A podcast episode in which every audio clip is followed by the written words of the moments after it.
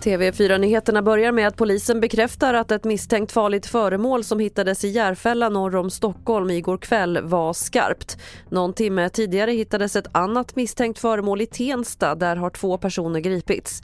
I båda fallen utreder polisen förberedelse till allmän farlig ödeläggelse. Under natten har räddningstjänsten jobbat för fullt med att släcka den skogsbrand som härjar utanför Ulricehamn. Enligt den senaste prognosen från platsen ska elden nu vara omringad och under morgonen kommer man att jobba med eftersläckning i området. I eftermiddag kan det bryta ut en strejk inom tågtrafiken. LO-facket Seko och Almega Tågföretagen har till klockan tre på sig att nå en lösning. Annars blir det strejk. Om det blir fallet kommer över 1000 anställda inom tågbranschen att tas ut i strejk i tre steg. De 200 som inleder sin strejk idag är bland annat lokförarna på Öresundståg som trafikerar sträckor i Skåne.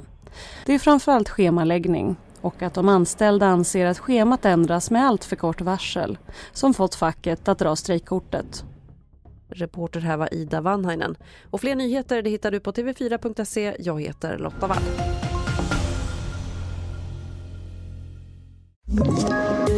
Poddtips från Podplay. I podden Något Kaiko garanterar östgötarna Brutti och jag, Davva, dig en stor dos skratt.